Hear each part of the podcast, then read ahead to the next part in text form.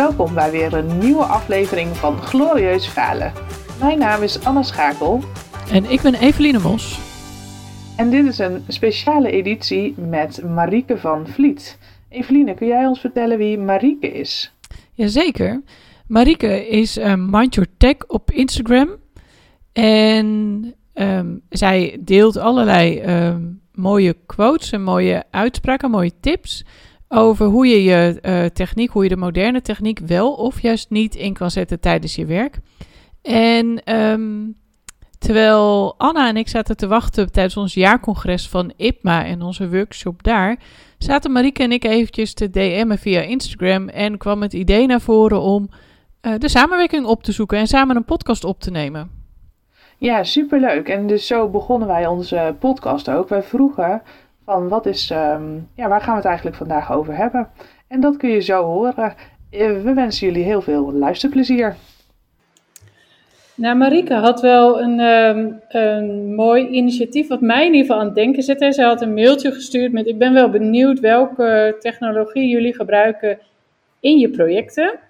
En toen antwoordde ik: Bij mij liggen er allemaal post-its met mijn acties nog op mijn bureau. Dus ik weet niet of ik de juiste gesprekspartner ben voor, dat, voor die vraag. Maar ik vind het wel een heel interessant onderwerp. Want ik denk dat we daar alle drie anders in zitten. Ja. Kan je, kan je uitleggen hoe, jouw uh, hoe jouw proces uh, loopt, Evelien? Um, nee, het ging vanochtend, hè, die post het ging over mijn uh, acties. En soms stroomt mijn hoofd een beetje over.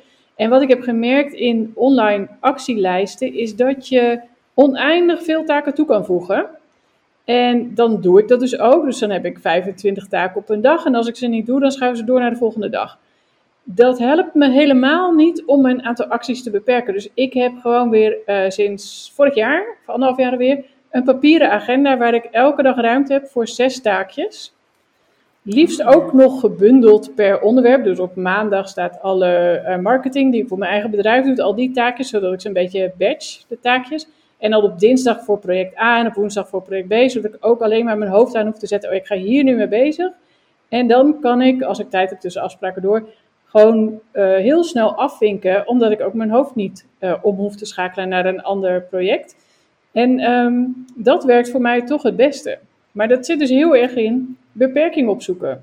En dat lukt me niet ja. als ik een, een app voor, uh, wat is het, to-do-list of zoiets, zo'n app op mijn telefoon zet. Want dan wordt het gewoon heel erg veel. En weet ik alsnog niet waar ik moet beginnen. Nee, oh, dat is wel interessant. Dat je de, de. Dus eigenlijk die grens, dat je die gewoon nodig hebt om. Um, uh, ja, om, om dingen. In, dat het te veel wordt om in te voeren. Ik vind dat wel een interessant. Zo had ik hem eigenlijk nog nooit bekeken. Ik want bij mij is die grens er helemaal niet. ook niet met post-its. Dus op een gegeven moment werd ik juist gek van al die post-its die over mijn bureau heen uh, lagen. En toen dacht ik, oké, ik moet dit anders doen. Want ik heb met het remote werken wel een... Uh, het, is het wel irritant als je dus... Uh, je scherm deelt en je hebt geen andere scherm of dat, dat lukt even niet. En je wil dus een tijdens die meeting een to-do dingetje opschrijven in je digitale um, to-do-lijstje. Want die staat bij mij gewoon op een computer. Um, ja, toen dacht ik, oh jee, ik, ik moet het even snel ergens anders kwijt. Want anders dan ziet iedereen dat ik hier lekker aantekeningen aan het maken ben. maar is dat erg als mensen zien dat je aantekeningen maakt? Nou, het ligt natuurlijk aan de, aan de, soort, uh, de soort meeting. Maar je ziet dan meteen ook uh, alle andere dingen die ook op een lijstje staan. En daar had ik niet zo'n behoefte aan om dat te delen met de anderen. nee, dat is, dat is een beetje eigenlijk wat je ook hebt als je presenteert en je vergeet om je Outlook uh, pop-ups af te sluiten of zo. Stel dat je bij elkaar mag komen dat er dan ineens dat berichtje tussenkomt met... hoi schat, vanavond spannende avond of zoiets. Die wil je ook niet in beeld hebben. Precies. Nee, dus uh, dat is uh, tip nummer twee. Technologie, als je je uh, scherm deelt, zet je notificaties uit. ik doe dat toch eigenlijk heel anders. Want ik, um, ik noteer alleen maar acties gewoon op schrift als ik in meeting zit. En dan zet ik gewoon een, een aardje met een rondje omheen. Dan weet ik dat ik een actie heb. En die kan ik ook gewoon lekker doorkrassen. Maar alle andere acties, um, daar ben ik een nou, ik denk anderhalf jaar geleden of zo, twee jaar geleden, gewoon mee gestopt om op te schrijven. Um, vanuit het idee van, nou, ik, er zit gewoon echt wel in mijn hoofd wat prioriteit heeft. En wat ik moet doen, dat zit gewoon zo voor in mijn hoofd. De meeste, de, hetgene met de meeste prioriteit komt wel oppoppen. En uh, in het begin vond ik dat heel eng, want dan hou ik dus geen lijstjes meer bij. En um, ik werd helemaal gek van mijn lijstjes namelijk, want ik kon nooit genoeg afstrepen inderdaad. Het was altijd, altijd stond er nog wel weer een actie open. En nu heb ik dat gevoel niet meer. Uh, en mis ik ook wel eens een actie. Dat komt ook wel eens voor dat het gewoon niet in me opkomt en dat ik dan iets vergeet. Maar het is voor mij een veel rustiger gevoel. Want ik weet gewoon, nou, in principe komt er gewoon in me op wat de meeste prioriteit heeft. Dat verzin ik echt wel. Ja. En, dat, uh, en dat werkt eigenlijk voor mij heel goed. Behalve dus mijn, uh, de dingen die uit mijn meetings komen. Want die, ja, die vergeet ik gewoon echt. Dus die, die schrijf ik dan gewoon op. En die, ja, eigenlijk en... kras ik die na de meeting gelijk door, omdat ik ze gelijk afhandel. En maar je, maak je ook aantekeningen tijdens de meeting? Ja, en dat doe ik ook op schrift. Dat doe ik ook op schrift. Ja. ja. Want uh, ik, ik heb wel regelmatig geprobeerd om dat dan in te tikken. Of uh, ik heb wel eens uh, daar ook geeltjes bij gehouden. Of nee, allerlei soorten, soorten van notities maken. Um, en ik hield ook wel eens Word-bestandjes bij.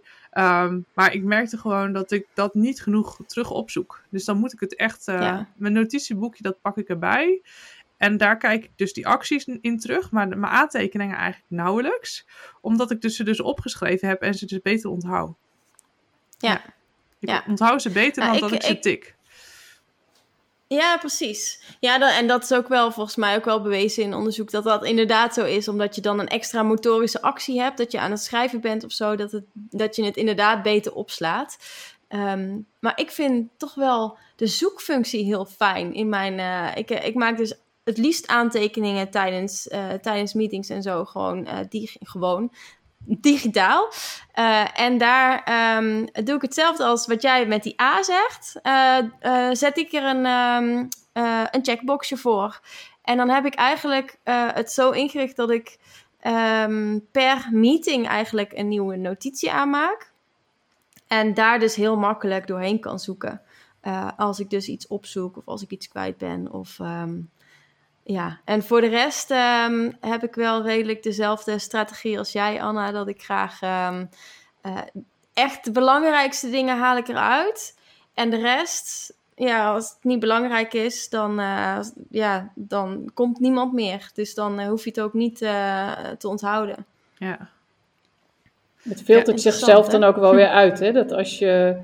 Um, ik heb dat dan ook door beperkte ruimte om het op te schrijven. Dat kan gewoon vragen van, goh, maar eh, deze week lukt niet meer. Dus wat is het eerste wat ik dan maandag moet doen volgens jullie? Zijn we het erover eens? En dan is dat de actie die ik opschrijf. Uh, en de rest is kennelijk ook niet zo belangrijk. Nee. Dus, nee, dus ergens heb je die filter ook nodig. natuurlijk enorm. Ja. ja. En, dat, en dat is wel leuk dat je dat zegt, hè? want in een project ben je daar ook niet alleen verantwoordelijk voor. Hè? Dus een projectmanager is al gauw geneigd om dan alles op zich te nemen. Maar heel vaak kun je dat advies gewoon vragen. Ja, jongens, maar is dit nu inderdaad wat we moeten doen? Is dit nu de juiste focus? Ja, en ben ik de juiste persoon? Ja. Want um, als het over geld gaat, dan weet ik wel dat ik daar een hele grote rol in speel om te zorgen dat mijn projectbudget op orde is. Maar er is ook een projectbeheerser die uh, het specialisme uh, geldbeheersen heeft. Dus dan kan ik wel eens vragen, ben ik de juiste persoon of doe jij het en check ik hem alleen even, zodat ik daar weer een gevoel bij heb en, um, en het vier ogen principe en zo. Maar ik hoef ook niet ieder taakje naar me toe te brengen natuurlijk. Nee, zeker niet. Nee. hey, en Evelien, welke, welke technologie gebruik je nog meer in je projecten? Uh, nou, ik maak heel veel aantekeningen maak ik, uh, uh, al tekenend. Dus als ik het verslag moet delen achteraf, dan teken ik op, op mijn iPad in Procreate. Um, en wij gebruiken steeds meer Trello, maar Anna weet ook dat ik niet zo'n Trello-fan ben. Want dat, dat uh, past heel wie erg. Is, uh, wie is dan wij in dit geval? Nou, het projectteam waar ik nu in werk uh, zitten een hoop externen in, of bijna alleen maar. En um, daar zitten nu zitten ook weer wat mensen in gewisseld. En daar wordt Trello nu geïntroduceerd. Het is niet iets wat de organisatie heel erg ondersteunt, hoewel het wel steeds meer gebruikt wordt. Maar um, Trello past heel erg bij agile werken natuurlijk. Uh, maar lang niet ieder project is al agile ingericht. Dus het is ook altijd een beetje zoeken. En het is voor mij ook een kwestie van gewoon doen. En dan word ik er steeds handiger in. En dat had ik ook met het bouwen van mijn website. Eerst dacht ik, oh, dat kan niks. En toen moest ik iets raars doen. En toen dacht ik, oh, dat kan ook. Had ik dat eerder geweten. Dus ehm, het is ook echt wel dat als er noodzaak is of als ik gedwongen word dat ik ineens ga uitproberen, maar wat kan er dan allemaal? En dan gaat het ineens super simpel en snap ik de, eh, het nuttige er ook van. Ja. En jij, Marike, wat Ja, gebruik dat- jij nog meer? Nou ja, wat ik, wat ik wel altijd heel grappig vind, is dat wij ehm, binnen, ons, eh, binnen ons team gebruiken we eh, Jira en Confluence en zo. Ehm, en ja, daar, ik, ik val daar eigenlijk buiten. En net zoals vaak eh, de UX'er valt er ook buiten, de product owner valt er ook buiten. En ehm, ja, je, het, het, je ziet dan dat het, het Scrum-team echt wel heel goed op elkaar is ingespeeld. Die kan dat heel goed gebruiken. En dat die flow met die tickets, dat gaat echt, dat gaat echt heel goed. Ehm, ja, en de, en de anderen die dan geen taken daarop hebben, echt voor het, voor het team, ja, die, die, die doen dan zelf allemaal maar gewoon wat. En dat vind ik best wel, ja, best wel leuk om te zien. Van, ehm, eh, iedereen doet dat dan op zijn eigen manier. En er zit totaal geen, ehm, geen, geen logica of structuur in. Dus dat, ehm, ja, dan denk ik soms, nou, misschien zou je ehm, met anderen, ja, misschien hoef je het dan niet te delen met die anderen of zo, maar ehm, voor de Scrum teams is het heel goed ingericht en voor de rest is het eigenlijk gewoon zoals het altijd al was, vaak. Maar Maar komt behoor, dat... behoor jij dan niet tot een scrum team? Nee, ik heb geen, ik heb geen taken die ik uitvoer. We hebben alleen de development taken hebben, zeg maar, op het, eh, op het Jira-bord staan. Dus maar de, dingen die ik moet doen. Ja, ik heb ook wel een, een stapje eh, in de flow. Ehm, maar niet alles is natuurlijk gelinkt eh, aan tickets al meteen. Dus ehm, Oh ja, dat is wel deel- grappig, want ik, ik had de analisten gewoon, er gewoon in zitten. Dus die deden ook gewoon mee in de sprints en in de retro's en alles. Dus eh, die gingen ook mee gewoon op het bord. Dus eh, ja, ik vond het wel Ja. heel praktisch, omdat je gewoon ten behoeve van het team gewoon heel veel doet. Dus eh, is het ook wel inzichtelijk al het dat- werk. Dat is zo, alleen dan is wel de vraag natuurlijk, ehm, wat is uiteindelijk je, de velocity die je, die je eh, berekent? Want wij hebben natuurlijk, ja, de echte velocity is echt berekend op het daadwerkelijke bouwen. En als analist heb je toch wel vaak dat je of voorbereidend werk doet, of natuurlijk tijdens het werk nog wat dingen uitzoekt of wat, wat helpt met dingen te verduidelijken. Maar het is toch wel va- vaak wel, ehm, hoe heet dat? Ehm, eh, voorbereidend werk. Hey, en dat, Marieke, eh, als mijn stelling nou is dat al die nieuwe eh, technologieën, projectmanagement tools zeg maar, ehm, dat die vooral gebouwd zijn voor het agile werken in de ICT-sector. Wat zeg jij dan? Nou ja, ik denk dat dat in veel gevallen zo is. Ehm, en dat heel, een hele tijd daar de focus op heeft gelegen. Om die, om die teams, zeg maar, eh, efficiënter en efficiënter te maken. En ik denk dat dat, eh, ja, als ik zo om me heen kijk, dan denk ik, ja, dat gaat, dat gaat best wel heel goed eigenlijk. Alleen voor die laag eromheen, ehm, ja, is het misschien ook die software niet geschikt. Alleen eh, ja, bijvoorbeeld, je ziet met Miro, vind ik wel een heel duidelijk voorbeeld. En nu met remote werken, dat dat heel erg ehm, eh, een ehm, groei heeft eh, doorgemaakt. Ehm, ja, dat is nou, nou echt zo'n tool waarop je echt gaat brainstormen en waarop je samen kan werken en dingen visueel kan maken. Dat eigenlijk een tool die gebruikt wordt wat meer ja, in dat voorbereidende werk, zeg maar. Ja, ik merk daar- wel dat ehm, eh, Miro is, is wel een nieuwe applicatie. Dus ik heb zelf toch een grote voorkeur om dan via OneDrive een eh, PowerPoint te openen en daar visueel in te werken. Want dat scheelt en dat achteraf was dat uurtje investeren in een lesje Miro makkelijk geweest. Maar in maart heb ik gedacht, of in april, iedereen kan PowerPoint. Dus ik blijf bij PowerPoint. En ik heb nu eh, ook bewoners voor participatiebijeenkomsten zo gedrild dat ze de PowerPoint openen. Ehm, dus ehm, dat is wel iets wat ik wat- nu gebruik, ook om daar samen te werken en ook samen bestanden op te bouwen, ook Word-documenten en zo, eh, voor besluitvorming. Dus die maken we nu met acht partijen, maken we dat samen in een online omgeving. En dat was wat eh, grofweg een jaar geleden van werd gezegd, nou ja, dat kan echt niet. En waarvan nu Nee. wordt gezegd, oh, maar laten we dat gewoon doen, wat een super idee. Dat is wel tof. heel En erg wat- veranderd. Wat, vet ook dat je daar PowerPoint voor gebruikt. Want ik denk dat PowerPoint vaak heel erg onderschat wordt. Dat is echt zo'n echt zo'n krachtige tool. Want je kan erin tekenen, je kan er tekst in maken, je kan er in principe bijna alles in doen. Ja, en het fijne is ook dat als je klaar bent met je werksessie, dan is het eh, twee druk op de knop, je hebt een pdf en, eh, en je kan hem versturen. En het fijne aan Miro is dat je ook je post-its nog netjes kan ordenen. En in PowerPoint moeten we dat dan nog even met de hand doen. Aan de andere kant is het een prima groepsactiviteit om dat te laten doen door je team. Maar, ehm, eh, maar je hebt gelijk je pdf en je rapportje wat je weer kan versturen. Dus ik vind dat wel heel fijn aan remote werken, dat je niet terugkomt uit je overleg en dan je verslag moet gaan typen. Of tekenen in mijn geval. Of, eh, ja. En wat, Zeker. en wat ik ook wel eh, vind is, nou, ik, ik merk dat er bij ons nog best wel weinig gebruik van wordt gemaakt. Dus ik introduceerde vandaag toevallig een eh, mural, eh, die, waarvan nog niemand had gehoord in een team van acht wat ze ermee moesten. Ehm, dus dat was totaal nieuw voor ze. Ehm, maar wat ik wel heel erg krachtig vind aan dat soort online samenwerkingsdingen, is dat je dus minder in de mail zit. En ik merk dus ook, ik krijg steeds meer bezwaren om veel mails en te moeten doorakkeren, maar ook te moeten opslaan. Ehm, eh, het kost heel veel tijd, omdat iedereen weer replied eh, to all en eh, waar je misschien al helemaal niks meer mee te maken hebt. En je moet weer terugreageren, omdat je dan toch nog even die bevestiging aan iedereen wil sturen.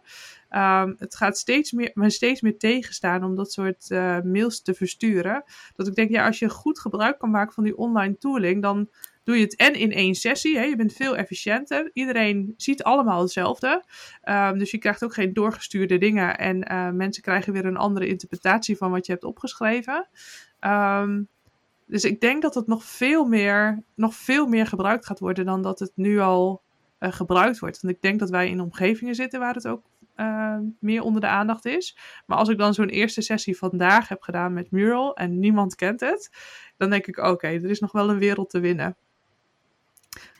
En, en doe je dan echt een, eh, een gestructureerde workshop? Is het, of is het gewoon meer dat je het gebruikt ter ondersteuning van je, van je gesprek? Nou, ik had nu vier frames aangemaakt en dat had ik wel van tevoren uitgedacht hoe ik dan het, de, de meeting wilde doen. Ik zou niet eh, willen zeggen dat het een compleet uitgedachte sessie was, maar wel in hele grove lijnen had ik wel verzonnen welke vraag ik beantwoord wilde krijgen. Ehm, en omdat iedereen nog wel een beetje moest zoeken, merkte ik ook wel dat ik dacht: oké, heb ik nu echt mijn antwoord wel gekregen? Ehm, maar het is wel een goed startpunt, denk ik, om dan uiteindelijk eh, Ja. een goede conclusie in één keer te kunnen trekken. Ja, absoluut. Want ik denk dat dat ook wel heel erg een, een verschil is met ehm, hoe. eh, ja, je, je, je ging wel eens, ik ging wel eens een meeting in en dan dacht ik, nou, dit duurt twee uur. Ehm, ja, dat lezen of dat ehm, eh, dingen doornemen of eh, bedenken waar die over moet gaan en wat ik eruit wil krijgen. Ehm, ja, dat zie ik dan wel. En, en nu met, met online werken kun je er eigenlijk bijna niet meer omheen, denk ik, om echt heel duidelijk aan te geven: oké, ehm, eh, we gaan nu een uur bij elkaar zitten of drie kwartier hooguit. Want ik vind het, het online niet te veel zwaarder dan het echt daadwerkelijk bij elkaar zijn. En dan, ja, ik vind het er een heel stuk efficiënter op geworden. En zeker dus als je zo'n Miro-bord voor, voorbereidt, ja, dan is het voor iedereen nog duidelijker. Oké, dit is de bedoeling, dit wordt er van mij verwacht. Ehm, en eh, als je er dan nog een blokje bij zet met uiteindelijk, nou, dit is het doel wat ik eruit wil hebben, hier moeten we op uitkomen, laten we daar dan dadelijk al onze conclusies op schrijven. Ja, dan is het super helder wat er van iedereen wordt verwacht. Ja, dat Ik denk vind ik dit wel heel grappig, want dit is dus wat ik al deed. Alleen tekende ik posters, een soort template van jongens, hier staan we, daar moeten we deze meeting heen. En we hebben nu drie kwartier de tijd. Omdat ik zelf een, een fysieke vergadering van twee uur ook heel erg vermoeiend en eh, intensief vind. Ehm, en heel graag vooraf wil weten, wat, ga- wat wil ik eigenlijk halen van deze mensen? Dus ik wil ook geen overbodige mensen in die vergadering hebben. Nee, precies. Dus het is wel, ik denk dat het, dat het ook gewaardeerd wordt door de mensen eh, in je team. Dat je ze niet overbodig uitnodigt en dat ze weten eh, waar je naartoe wil. Ja, en toch zijn En er qua, denk ik qua nog wel... voorbereiding. Niet door elkaar. Ja, ga je gang, Anna. Nou, ik denk dat het ook nog wel heel veel eh, nagelaten wordt. Hè? Om gewoon van tevoren een agenda te sturen. Al is het dan inderdaad maar in de uitnodiging. eh, of via een mailtje. Ehm, en dat mensen er ja, nog niet van bewust zijn. Nou, men wordt zich er denk ik steeds meer door bewu- bewust dat de tijd... eh, die we nu online met elkaar hebben, dat die gewoon schaars is. Omdat het gewoon best wel zwaar is om Uh, ik vind het zwaar om in te schatten hè, wat jullie reacties zijn, hoe jullie erbij zitten. Dus dat kost mij heel veel extra energie. Um, en dat dan dus een vergadering structureren, dat dat dan dus enorm helpt. Um, ja. En uh, ja, ik deed dat altijd al. Hè, dus ik stuurde altijd een agenda van tevoren en had heel duidelijk voor ogen wat ik wilde. Uh, maar ik denk dat er nog steeds zat overleggen zijn waar dat, waarbij dat niet zo is. ik denk dat er ook heel veel bijpraatoverleggen zijn die dan niet per se een doel hebben, maar wel, ja, dan zijn we weer bijgepraat. Maar dat is heel leuk. Alleen, ik vraag me dan heel vaak af, komen we nu echt een stap verder? Ja. Ja. Ja. Ik ken ze ook, de bijpraat overleggen, ja. Ja, dat is. Um... Ja, en toch zijn ze ergens ook belangrijk, hè? Want je wil ook soort. Want in het bijpraatmoment wordt ook even gezegd: Goh, ik, uh, ik ga vanavond uh, weer lekker sporten. Hè? Dus er, er wordt ook in dat soort meer lossere. Um, die meetings die gaan bij mij helemaal verloren. Hè? Dus ik. Dus je, ik chat, chat wel aan het begin van de. Uh, hè, als iedereen er binnenstroomt, zeg maar. Dus ik probeer altijd een paar minuten van tevoren aanwezig te zijn. Um, maar um, de koffiemomenten, ja, dat zit dus vaak in dat soort bijpraatdingetjes nu verweven. Dus toch zijn ze nog ergens wel belangrijk, denk ik. En wat Hebben jullie geen standaard uh, bijpraatmomentje, een soort koffiemomentje of zo met je, met je team ingepland? Ja, met het programma wel, maar niet met al mijn teams. Nee. Nee. Dat, dat kan, niet. Nee, dat lukt niet. Nee. nee. en ik merk ook dat, uh, en sommige mensen zitten gewoon in 20 projecten tegelijkertijd. Een risicomanager bij mij bijvoorbeeld. En die zit echt niet te wachten op 10 bijpraatgesprekken elke week. Dus um, ook omdat zij gewoon ook nog een uh, leven ernaast heeft en niet de hele dag achter de computer wil zitten. Dus het voelt ook een beetje bezwaarlijk om dat nog aan haar te vragen. Terwijl eerder waren wij met z'n tweeën altijd als, als eerste in het vergaderhok en hadden we heel veel bijpraattijd. Dus zij is wel iemand die steeds op mijn, uh, in mijn hoofd, op mijn lijstje staat. Oh, maar ik wil wel weten hoe het met haar gaat. En dat, um, dus de natuurlijke momenten missen nu een beetje. Hey, en Marieke, hoe gaat dat dan straks uh, als we hybride gaan werken? Hè? Want daar gaan we natuurlijk straks naartoe. We gaan er straks naartoe dat de situatie is dat, dat jij en ik op kantoor zijn en dat de andere vijf collega's thuis zitten. Hoe gaan we dat soort meetings, hoe, ga, hoe gaat dat straks verlopen? Ja, dat is natuurlijk een hele lastige situatie. Uh, als, er, als je mensen bij elkaar hebt zitten en je hebt mensen, mensen op kantoor. Wij hebben dat toen we heel eventjes we, eh, een paar weken naar kantoor mochten, hebben we dat al een paar keer ondervonden. Dat uh, we dachten op kantoor dat de meeting over was en dat iedereen eigenlijk online nog door aan het gaan was en dat wij koffie gingen halen en dat iedereen eigenlijk een beetje online boos was op ons van oh jullie zijn zomaar weggelopen. dus ja, daar heb je supersnel miscommunicatie omdat je twee groepen apart van elkaar hebt, denk ik. Um, dus ik denk ook dat het fijn is als je juist dan de dagen op kantoor bent, dat je daar dan afspreekt dat je daar dan met je hele team bent en dat je de dagen dat je op kantoor bent uh, gebruikt om echt die connectie met elkaar te hebben. En um, ja, dat soort dingen. Um, dus de connectie en ook de, de diepgaandere gesprekken, zeg maar, te kunnen voeren. En uh, ja, dat je het echte, het echte werken en het uitwerken en dat soort dingen, dat je dat gewoon uh, thuis doet als uh, niemand je kan storen. Heb jij dan ook ervaren hoe de lichaamshouding een rol speelt in die overleggen? Want ik kan me voorstellen dat als je bij elkaar zit, dat je uh, ook op de non-verbale communicatie reageert. En dat dan de helft die niet in die ruimte zit, een grapje mist. Of nou ja, net die communicatielaag mist die je samen in de ruimte wel hebt. Ja, absoluut. Ja, dat, dat, uh, je kan ook al, ook al, ja, wij hebben vaak ook onze camera wel, uh, wel uit. We hebben niet altijd de camera aan. En dan weet je natuurlijk helemaal niet wat, wat iemand aan het mm. doen is, als iemand stil is. Um, dus ja, je, je mist daar heel veel. Uh, je mist daar heel veel. Maar ik denk ook wel um, dat het misschien. Als je bijvoorbeeld kijkt naar. Ik zag Anna dat jou ook al op, op Clubhouse zat. Um, ik vind dat ook echt een, een fascinerende nieuwe app. Want dat, die is dus helemaal audio.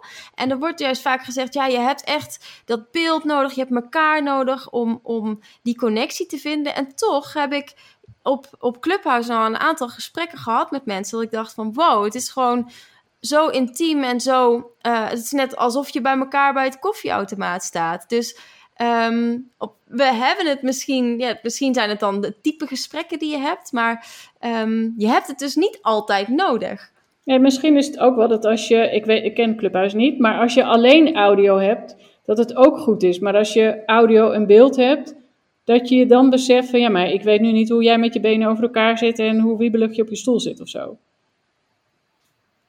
Ja, en misschien heb je dan met audio, want dat is natuurlijk bij, bij Clubhouse heel erg zo, dat je misschien echt een, een moderator, dat iemand meer omhoog moet stappen als een, als een moderator. Ehm, want als wij de camera uit hebben staan, dan, ja, uh, dan, dan is het toch heel, heel anders dan, um, dan in zo'n clubhouse. Maar goed, misschien, ik denk dat het ook wel type gesprekken zijn die dat ja, zijn. Dat, ja.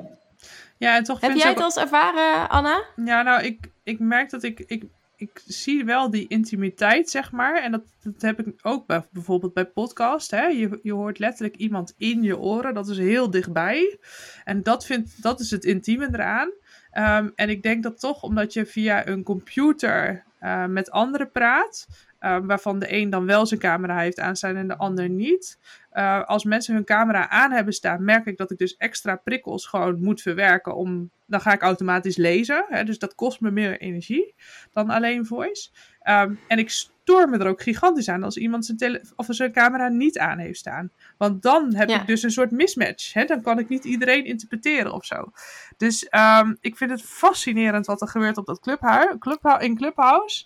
Um, en ik ben wel heel benieuwd inderdaad of het, um, uh, ja, wat daar nog meer gaat gebeuren. Als dat overgaat naar nog meer marketingachtige activiteiten. Uh, dan ben ik wel benieuwd Ja. hoe, me- hoe snel mensen gaan afhaken.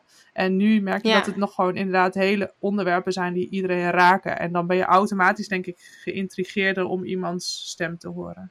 Maar even terug, wat is Clubhuis? Want ik, Ja, dat is eh, misschien nu, wel een ik, ik mis alles, maar Oh. onze luisteraars missen misschien ook wel heel Ja, veel. nee, wat is Clubhuis? uit- je krijgt een uitnodiging van me, Evelien. Ehm, eh, Clubhouse is een Amerikaanse app eh, die puur voice eh, gerelateerd is. Ehm, en ehm, je kunt daar een gesprek starten. Dus je kunt met een club mensen kun jij eh, een onderwerp bespreken en dat is alleen maar voice. Ehm, en je kunt daar als eh, toehoorder naartoe of je kunt ehm, uitgenodigd worden om daarin de- echt aan deel te nemen aan het gesprek zelf. Ehm, en op die manier eh, voer je dus gesprekken met elkaar. En dat kan gaan over ja, echt van, van muziek tot eh, politiek. allerlei onderwerpen komen daar aan bod. En je ziet Dus dat, een soort chatbox, maar dan via audio en wereldwijd dus. Ja, heel internationaal. Ehm, en het is echt, het was een invite-only eh, app. Of het is een Mhm. invite-only, dus je moet een uitnodiging krijgen van iemand. Nou, het is dus nu ook in eh, Nederland beland. Ik denk sinds een week of twee of zo dat het echt eh, enorm toeneemt. Ja. Ehm, en je krijgt dan twee uitnodigingen om weg te geven. Dus het is een soort eh, ja, privacy gevoel, hè, dat je daar dan binnen mag komen. Ehm, en dat gaat natuurlijk heel snel weg, omdat het enorm snel verspreidt natuurlijk. Dus net als met eh, Gmail in het begin. Hè? Dan mocht je ook alleen als je uitgenodigd werd en eh, binnen no time had iedereen het. Maar iedereen ehm, het, ja. ja, Maar je ziet wel hoe Instagram er ook op reageert. Hè. Instagram die bent nu al de mensen die eh, delen via Clubhouse. Dus die worden al enorm, gaan enorm achteruit in, in hun, in hun views. Ehm, dus er zit nu al een concurrentie met eh, de andere social, eh, social media apps. Dat is wel interessant, vind ik. Ja. Ja. Nou, wat ik, wat ik zo leuk vind aan Clubhouse ook, is dat je... ehm, je het, is, het is ook heel erg open qua... ehm, eh, hoe heet dat? Netwerken en zo. Dus je kunt heel makkelijk zien wie, wat, wat doen andere mensen, wie, kent, wie kennen andere mensen. En ehm, ja, je kunt zo een, een ruimte inlopen eh, van, van waar iemand anders die jij kent ook in zit. En je kunt daar gewoon aanhaken en daar dan ook weer alle mensen zien. Dus eh, wat dat betreft is het heel, ehm, ja, heel, heel open wat je kan doen eigenlijk. Dus dat is net, net ook weer anders af, opgezet dan de andere eh, social media apps. En, maar gebruiken jullie dan ook voice in je projecten op je werk? Ben ik wel benieuwd naar. Ik doe dat namelijk wel, maar... Nee? En wat bedoel je dan, Anna? Hoe gebruik je dat? Nou, ik, eh, ik stuur mensen dus eh, soms geen eh, berichtjes, maar dan spreek ik een berichtje in. Gewoon ja, via dat WhatsApp. doe ik wel. Hè, en Ja, en... en- ik, ik merk dus dat dat veel meer aanslaat. Hè, dus als ik dus iemand vraag om een actie via een WhatsAppje, een ingesproken WhatsAppje, nou echt gegarandeerd dat het binnen een dag gebeurd is.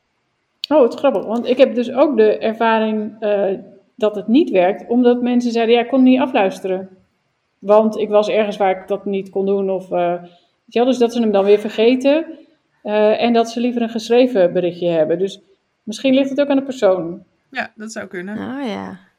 En jij, Ik Marike? eh, had toevallig een, eh, ik was toevallig een app aan het ehm, eh, ontdekken waar je dus eh, een voiceberichtje kon opnemen en waar je dus direct dan een link bij kan maken, zodat je hem eigenlijk op elk platform zou kunnen versturen. Eh, ik heb het nog niet geprobeerd, maar ik denk dat het in combinatie met bijvoorbeeld Slack wel echt heel tof zal werken. Als je bijvoorbeeld, ehm, dan kun je namelijk echt op een asynchrone manier gewoon gesprekken voeren. Want eh, wat ik aan Slack heel, heel fijn vind, is dat je echt die draadjes kan hebben. Dus je kan één onderwerp starten. Daar zet je dan bijvoorbeeld een voice note in met een, ehm, eh, met een vraag of zo. En daar op, dat, op die vraag kunnen dan allerlei andere mensen eh, zouden dan ook een voice note kunnen doen. Of gewoon, eh, of gewoon typen natuurlijk. Maar ik denk dat die combinatie wel heel, wel heel leuk is. Want inderdaad, ik gebruik het ook wel eens op WhatsApp. En ik zit daar in een mastermind groepje en daar doen we eigenlijk proberen vooral, proberen we vooral voice. En ehm, ja, dan, dan, dan, dan hebben we eens in de week een update. En dan vertelt iemand zijn verhaal en reageert ook op anderen. Maar dat is natuurlijk dat is veel te lang. En eh, je moet dan op alle anderen ook reageren. Dus je moet dan al weten van, oh, wat had die ook alweer gezegd? Je kan het niet teruglezen. Je moet dan heel dat berichtje weer doorlezen. Oh ja, waar ging het ook alweer over? Dus dat, ehm, ja, dat is dan natuurlijk wel het nadeel van, van voice. En ook met bijvoorbeeld als je voice notes wel eens maakt of zo. Eh, als je dan weer terug wil eh, weten wat je ook weer had ingesproken, dan moet je dat hele ding weer opnieuw afluisteren. Ja. Maar ook daar denk ik dan van, ja, onthoud je niet gewoon het meeste wat je bijblijft? Wat de hoogste prioriteit heeft? Ja, Of is misschien dat ook dan wel. Ik- onbeleefd? Nou ja, dat weet ik niet. Ik had laatst ehm, bij een collega ingesproken, ik heb drie dingen. En er ging 1, 2, 3. En haar antwoord was ook drie dingen. Alleen de antwoorden stonden niet in dezelfde volgorde als mijn eh, drie.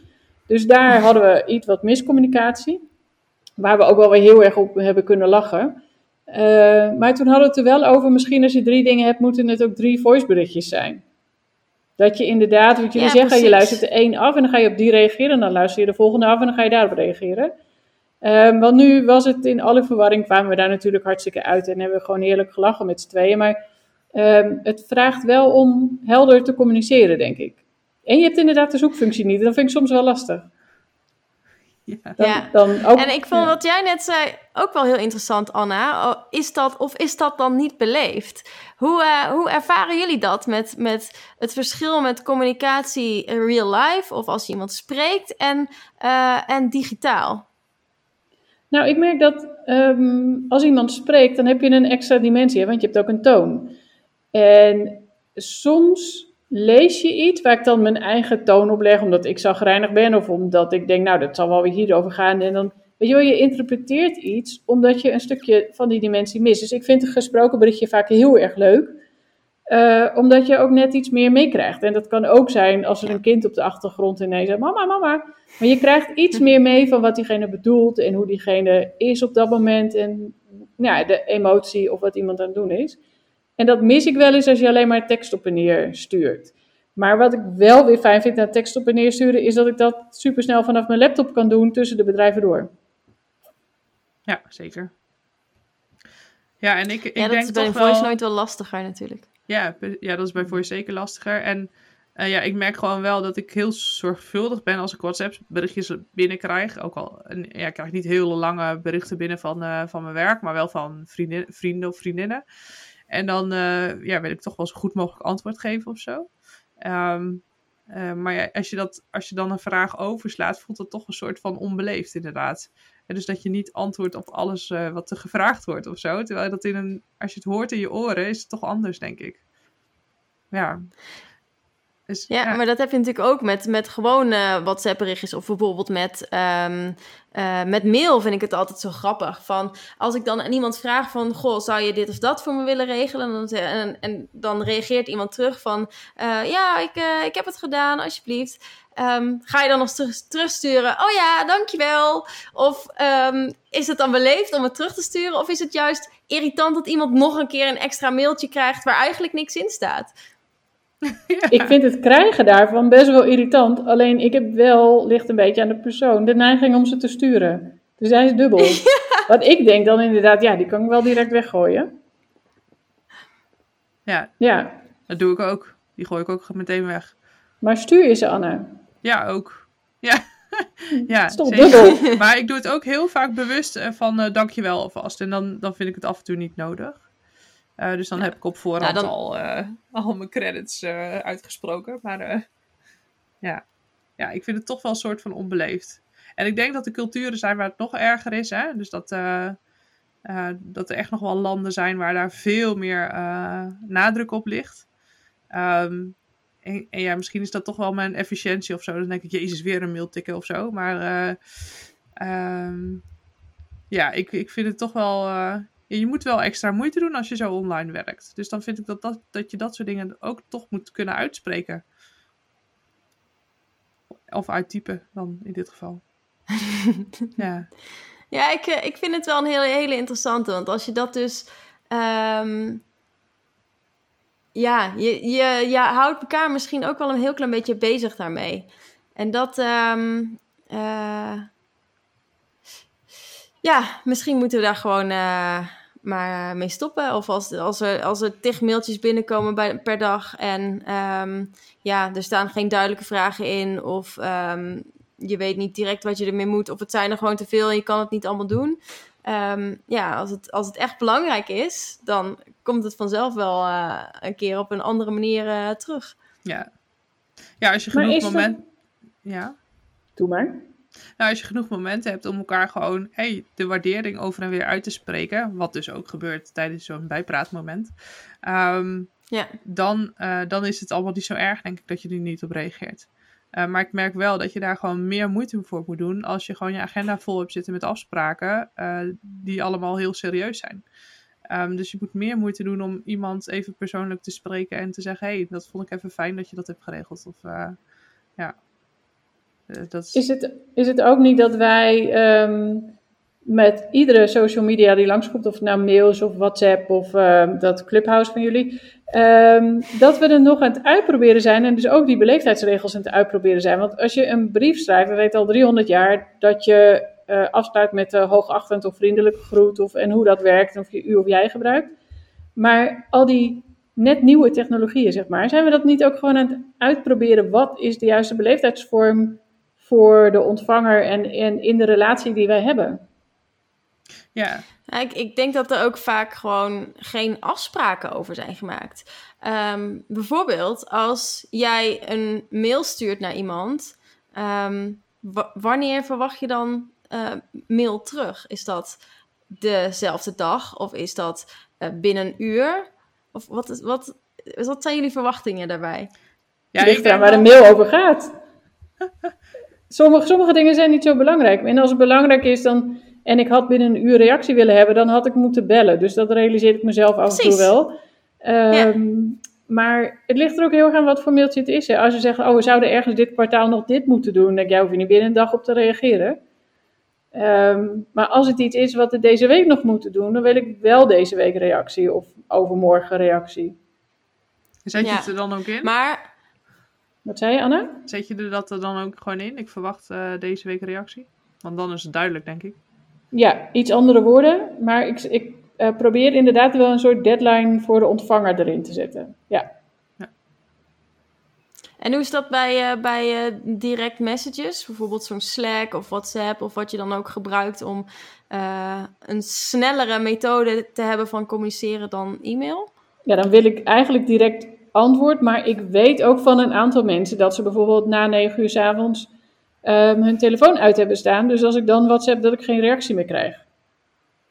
Omdat het gewoon hun manier is om ehm, te ontspannen of om even niet zo snel in de rode bolletjeswereld uh, mee te gaan, zeg maar. Dus ja, ja, het is ook aan de ontvanger, denk ik. Ik kan wel van alles willen, maar als het niet sneller gaat bij de ander. Nou, ik, eh, dat soort afspraken, dus als we bijvoorbeeld een WhatsApp-groep speciaal voor een project of een team inrichten, dan maak ik daar wel gelijk afspraken over. dus dan, dat het doel van die WhatsApp-groep heel duidelijk is. Of als ik ergens aan toegevoegd word, dan wil ik ook wel graag weten waarvoor het gebruikt wordt. Um, want ik vind het prima dat een WhatsApp is natuurlijk een hele snelle, of een, wat voor uh, snelle communicatiemiddelen we ook hebben. Uh, dus daar mag je ook wel wat snelle reactie op verwachten. Maar het is geen, um, hoe zeg je dat? Het is geen dwangmiddel of zo. Hè, dus je kunt niet afdwingen van elkaar dat je dan ook inderdaad binnen een uur gereageerd moet hebben. Um, ook al heb je niks in je agenda staan. Um, hè, dus het is, het is, ik denk dat de verwachtingen om wat betreft dat soort uh, uh, applicaties wel omlaag mag. Uh, want we maken ons met onszelf ook wel af en toe een beetje gek. Hè, dus ja, dan is het zoveelste communicatiemiddel. Um, met wat voor doel? Hè? Om het nog makkelijker te maken, of nog sneller, of nog efficiënter. Of ja, ik vraag me af of dat daadwerkelijk zo is. Door er nog weer een nieuwe applicatie in te gooien. Ik vind het ook interessant wat jij in een bijzin zei. Um, verwacht je dat iemand direct gaat reageren omdat hij niks in zijn agenda heeft staan? Ja. Dat, um, mag je dat verwachten van iemand? Hey, er staat niks in jouw zakelijke agenda, dus ik ga ervan uit dat je nu reageert. Um, nee, ik vind van niet, maar ik denk wel dat dat wordt gedaan. Hè, dus als, als ik, uh, uh, en ik zie het veel gebeuren bij mensen die over het algemeen minder, hè, bedenk bijvoorbeeld aan ontwikkelaars die over het algemeen minder afspraken hebben dan iemand zoals ik, die alles moet regelen, eromheen, zeg maar. Um, ja, die, da, daar, daar wordt snel naar gekeken van, ja, heb je dan geen tijd om daar nu even naar te kijken? Um, terwijl die ook gewoon werk hebben, maar dat niet per se werk is wat je de hele tijd in je agenda zet. Um, nou, maar ik denk wel werk, wat, waar het heel belangrijk is, dat je een tijd achter elkaar gefocust kunt werken. Exact. En dan is het dus eigenlijk best wel gek als, um, ja, als er zoveel uh, verwachtingen zijn omtrent het direct reageren op je berichtjes. Ja. Dus dat, um, ja, ik denk dat daar nog wel, uh, wel uh, wat, uh, wat te halen valt. En zeker nu in deze tijd, waarin we toch proberen om um, heel erg die connectie te hebben met elkaar. Dan denk je, nou, dan, dan zetten we maar gewoon, dan zorg je maar dat je gewoon direct kunt berichten met elkaar. Waardoor dus eigenlijk de productiviteit juist, denk ik, veel meer omlaag gaat. Ja, ja dat denk ik ook. En als, we hadden het net over beleefd zijn naar elkaar, maar hoe beleefd is het als je in andermans agenda kijkt om te zien of die direct had moeten reageren op jouw mailtje? Dat, heeft ook iets inbreukerigs. Ja, dat weet ik niet. Ik gebruik de agenda's van anderen heel veel. Echt heel veel. Dus ik kijk echt expliciet uh, om te zien of mensen niet in meetings zitten voordat ik bel. Hè, dus als ik iemand bel, dan kijk ik eigenlijk standaard van tevoren in iemands agenda. Om ook die persoon juist niet te storen. Hè, dus als ik zie dat hij een leeg blok heeft, dan denk ik: oké, okay, nou kan ik hem ook bellen en dan hopelijk krijg ik hem te pakken. Maar misschien is hij inderdaad iets aan het uitwerken en dan heb ik weg. Um, maar als er al een afspraak in staat, vind ik het dus heel onbeleefd om dan juist te bellen. Oh, wat grappig. Omdat ik dan, automa ja. omdat ja. ik dan zeker weet dat hij in gesprek zit. Dus waarom zou ik hem dan storen? Ja, ja, dat heb ik ook. En ook als ik meetings met mensen inschiet, dan kijk ik altijd, ik ga niet zomaar iets ergens overheen plempen, tenzij het niet anders kan. Um, dan, dan zet ik er netjes een berichtje, berichtje bij. Maar ik heb ook echt, als mensen zomaar afspraken over jouw meetings heen plannen, ja, dan denk ik, ja, dat is wel gewoon beleefd om eventjes te kijken of je überhaupt wel vrij bent. Ja, en ik probeer ook altijd te kijken of ik hem zo kan plannen dat het bij een ander ook niet helemaal dichtgetimmerd is. Dus als iemand tussen 12 en 2 een gat heeft en ik heb maar een uur nodig, dan start ik niet precies om 12 uur, maar half 1, dat is 12 uur ook een beetje een rare tijd qua lunch natuurlijk. Uh, je moet mensen ook af en toe tijd gunnen, helemaal nu, om even koffie te halen. Want waar we normaal via de koffieautomaat naar de volgende vergadering liepen, uh, zit iedereen nu de hele tijd achter het scherm. En als je iemand niet de kans geeft om via de eigen koffieautomaat dan thuis te lopen, dan heb je dus mensen aan de telefoon of aan het scherm zitten die zeggen: Ja, het is het derde uur dat ik geen koffie heb. Ergens ja, voelt dat, dat ook niet zo aardig. Want het heeft ook allemaal met verschillende, uh, ja, verschillende manieren van werken te maken. Want als jij in, mijn, in mijn vak van 12 tot 2, van half 1 tot half 2 zou plannen, dan zou ik denken: Gosternokken, zou ik, nee, ik zou zeggen van ja, dan heb ik een half uur ervoor en een half uur daarna, daar doe ik niks mee. Weet je wel, dus, dan, ehm, dus dat is heel erg verschillend per persoon, denk ik, hoe iemand daarin zit en wat iemand prettig vindt. Ehm, ja, en dat, we gaan ook wel heel veel uit van onze eigen dingen die we fijn vinden natuurlijk. Mhm. Ja, ik vind het heel erg vervelend als iemand zijn camera niet aan heeft staan en de rest wel. Ehm, maar ik sprak daar laatst iemand over. Die zei: Ja, het kost me zoveel energie om telkens naar jullie te kijken. En niet per se vanwege die andere persoon, maar om dan alles te interpreteren. Hij zegt: Ik kijk gewoon niet meer. Ik doe het op mijn telefoon en ik loop Nee. rondjes door het huis. Het is gewoon echt een energieding. Uh, en dan begrijp je die ander wat beter. Dat ik denk: Oké, nou, ik snap waarom die altijd zijn, uh, zijn uh, video uit heeft. Ik denk dat dat wel de, Natuurlijk ook de, de Ja. clue is ook, hè, ook als we nu zo eh, aan het kletsen zijn, dat ik eigenlijk steeds, elke keer als we zo'n stukje te pakken hebben gehad, denk ik, het ligt er heel erg aan met wie je communiceert, wie jouw gesprekspartner is of je doelgroep is, welke tool je inzet om die boodschap zo goed mogelijk over te brengen. Ja, dus eigenlijk zou je daar gewoon eh, van tevoren eh, over, met iemand over moeten praten of afspraken moeten maken voordat je überhaupt eh, gaat com- communiceren. Wat, vind je fijn, eh, wanneer reageer je op Slack en dat soort dingen. Ja, en hier eindigt onze podcast met Marieke. Wat een fantastische conclusie om te eindigen met communicatievaardigheden als een van de belangrijke soft skills binnen, uh, ja, binnen samenwerkingen en binnen projecten. Um, en uh, wil je nou meer weten over Marieke? Eveline, waar kun je haar dan bereiken? Nou, zij is heel erg aanwezig op uh, Instagram. Marieke van Vliet. En uh, volgens mij heet ze daar de Techfluencer. Maar als je zoekt op de hashtag MindYourTech, dan zie je hem zeker ook. En Marieke van Vliet natuurlijk ook op LinkedIn, want daar is ze ook fanatiek bezig. Ja, en uh, als je ons natuurlijk wil volgen, dan kun je naar onze website gaan, www.glorieusfalen.nl. Daar vind je allerlei blogs, uh, vind je ook de andere podcasts allemaal. Um, maar volg ons ook juist op links, LinkedIn, gewoon @glorieusfalen. En op uh, Instagram, waar we dagelijks inspirerende project, um, ja, inspiratie geven over projecten. Um, nou, we hopen dat je dit een leuke aflevering vond. En um, we horen jullie en zien jullie snel weer op de social media's. Tot gauw. Tot de volgende keer.